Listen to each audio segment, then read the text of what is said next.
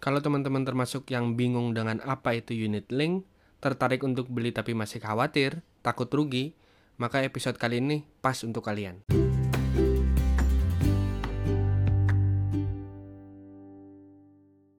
Halo teman-teman, kembali lagi di podcast Belajar Bareng Finance. Gimana nih kabarnya? Mudah-mudahan sehat-sehat terus ya. Yang sakit semoga disembuhkan. Amin. Nah, kali ini kita akan ngomongin topik yang kayaknya banyak banget nih yang mau tahu. Ya, kali ini kita akan ngomongin soal asuransi unit link. Kenapa saya berani bilang banyak? Ya terbukti memang topik ini tuh banyak dari teman-teman belajar bareng finance yang nanyain secara personal via DM ke Instagram saya. Tapi sebelum itu, saya mau disclaimer dulu ya. Saya ini bukan agen asuransi dan saat ini tidak terikat ke perusahaan asuransi mana pun. Jadi, sebisa mungkin bahasan kali ini tuh pure sharing aja, bukan jualan sama sekali. Nah, pertama-tama, supaya kita paham dengan apa itu yang namanya unit link, kita harus tahu dulu apa yang namanya asuransi. Makanan jenis apa sih asuransi gitu ya. Nah, sederhananya, asuransi adalah cara kita mengalihkan risiko yang mungkin menimpa kita kepada pihak lain. Kita pakai contoh ya asuransi yang kecil-kecil dulu aja nih. Asuransi ketika kita lagi belanja online. Pada sadar dong, ketika teman-teman lagi belanja online ada yang namanya asuransi pengiriman. Ada jenis barang yang mengharuskan kita untuk pakai asuransi. Biasanya elektronik yang harganya mahal nih, handphone gitu ya. Dan ada juga jenis-jenis barang belanjaan yang asuransi itu sifatnya opsional aja gitu pilihan. Mau pakai asuransi boleh, mau enggak juga enggak apa-apa. Nah, asuransi pas kita lagi belanja online tuh kalau teman-teman merhatiin ya, ada tuh yang namanya nilai pertanggungan. Jadi, ketika ada kenapa-kenapa sama barang yang kita beli tadi, amit-amit gitu ya rusak ketika perjalanan, maka akan diganti senilai barang tersebut selama memang masih masuk di bawah batas maksimalnya. Nah, kalau ternyata harga barangnya di atas maksimal pertanggungannya, nah maka hanya akan diganti sebatas nilai maksimalnya saja. Terus lagi contoh asuransi kendaraan. Kalau kalian beli mobil baru gitu ya, dan kalian milih pembiayaannya dengan cara kredit, nah ini biasanya Cicilannya itu selain ada pokok cicilan dan bunga itu juga disertakan sekaligus asuransi kendaraannya. Walaupun memang asuransi kendaraan bisa juga dibeli secara terpisah. Nah, tipe asuransinya sendiri itu ada macam-macam. Ada yang umum tuh ada yang TLO atau total loss only. Ini adalah jenis asuransi yang baru akan cover ketika mobilnya teman-teman itu hilang dicuri gitu.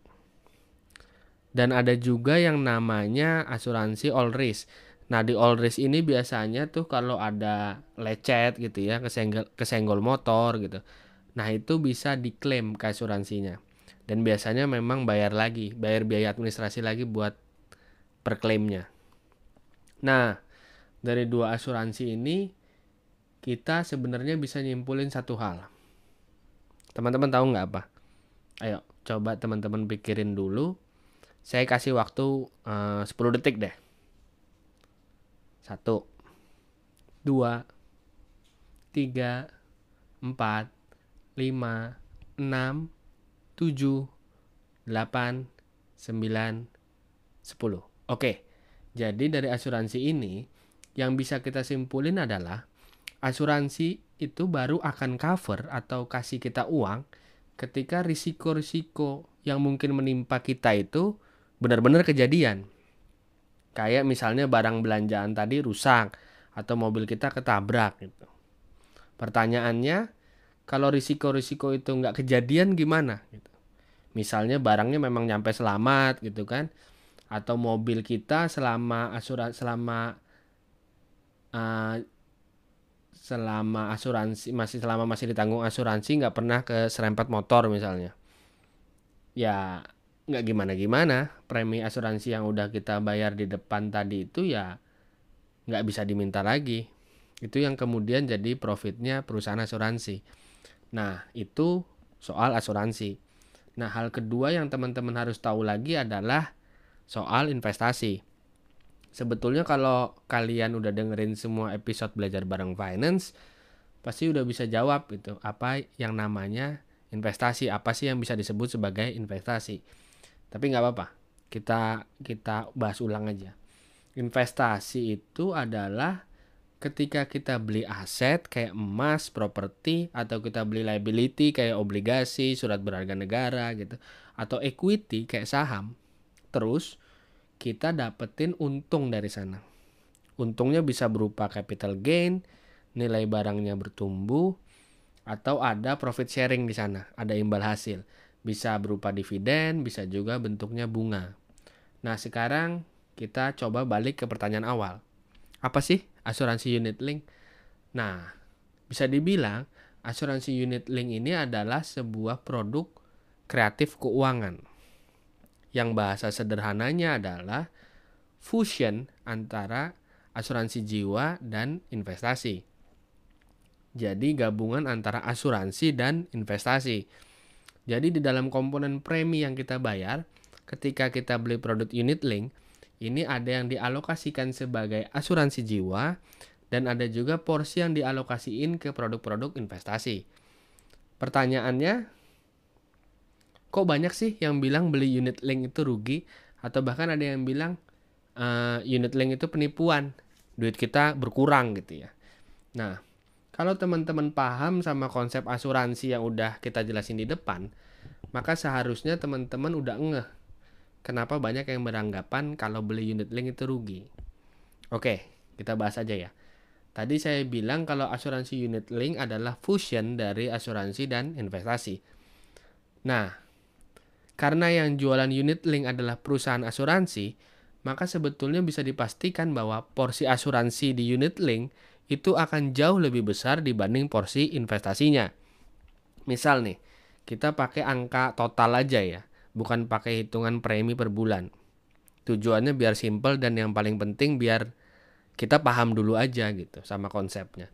Contohnya total premi asuransi yang dibayarin 200 juta gitu ya. Nah, 70% ini asuransi jiwa dan 30%-nya porsi investasi. Berarti kan porsi investasinya 140 juta dan investasinya 60 juta anggaplah nilai pertanggungan asuransi jiwanya itu 1M dan return yang dijanjiin 10%. Oh iya, ini cuman angka permisalan aja ya. Semua balik lagi ke mana porsi investasi ini bakalan disalurin sama perusahaan investasinya. Apakah disalurkan ke reksadana campuran, atau reksadana saham, atau bahkan langsung ke saham. Semua sebenarnya di state lengkap di polis asuransinya. Itu kenapa penting buat teman-teman untuk selalu baca polis asuransi. Jangan cuma iya-iya aja ketika dijelasin sama agen asuransinya. Nah, balik lagi ke perhitungan. Anggaplah ini unit link nilai investasi plus returnnya jadi 66 juta. Dan ternyata kita selama jangka waktu itu gitu ya, nggak mati gitu ya. Nah, sehat-sehat aja walafiat gitu. Maka yang temen dap teman-teman akan dapetin itu ya cuma 66 jutanya aja. 140 jutanya sebagai porsi dari asuransi jiwanya ya angus. Kita taruh total uang 200 juta, pas periode asuransinya selesai, kita mau ngambil yang bisa diambil kok cuma 66 juta. Ada selisihnya kan jauh tuh. Ini yang kenapa mungkin jadi perdebatan kalau beli unit link itu bikin rugi. Seakan-akan kita lupa kalau di unit link itu ada porsi asuransi jiwanya. Nah, kalau kita ubah kondisinya gitu ya, anggap aja gitu, eh, ternyata di dalam jangka waktu coverage asuransinya itu kita mati gitu ya, eh, meninggal gitu, mati kayak ayam aja. Maka ahli waris akan dapat 1 M plus 66 juta tadi. Nah, itu yang kemudian kalau kita mau ngebandingin unit link dengan produk yang murni investasi, ya jelas nggak bisa. Karena kalau kita bandingin sama reksadana gitu ya misalnya, ya nggak bisa unit link dari yang contoh tadi kita bahas aja itu ya dari 200 juta, itu porsi investasinya cuma ada 60 juta. Imbal hasilnya ya dihitung dari 60 juta tadi. Sedangkan kalau kita reksadana kita taruh 200 juta gitu ya, ya itu udah angka investasinya. Imbal hasilnya akan dihitung dari 200 juta tadi.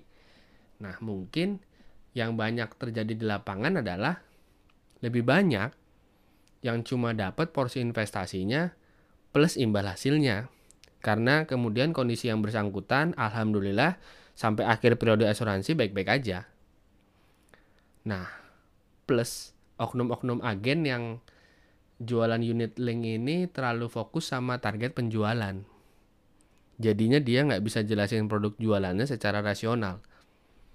Nah, kalau pertanyaannya masalah untung apa enggak sih beli unit link?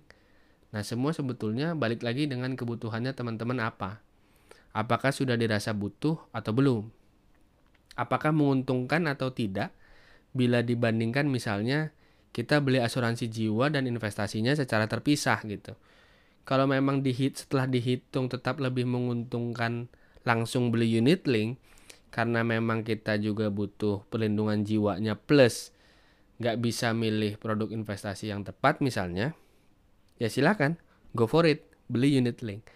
Nah kalau ternyata setelah teman-teman hitung lebih untung kalau kita beli sendiri-sendiri gitu ya, kita beli asuransi jiwanya sendiri, kita beli produk investasinya sendiri, karena memang bisa milih produk investasi yang menguntungkan gitu ya.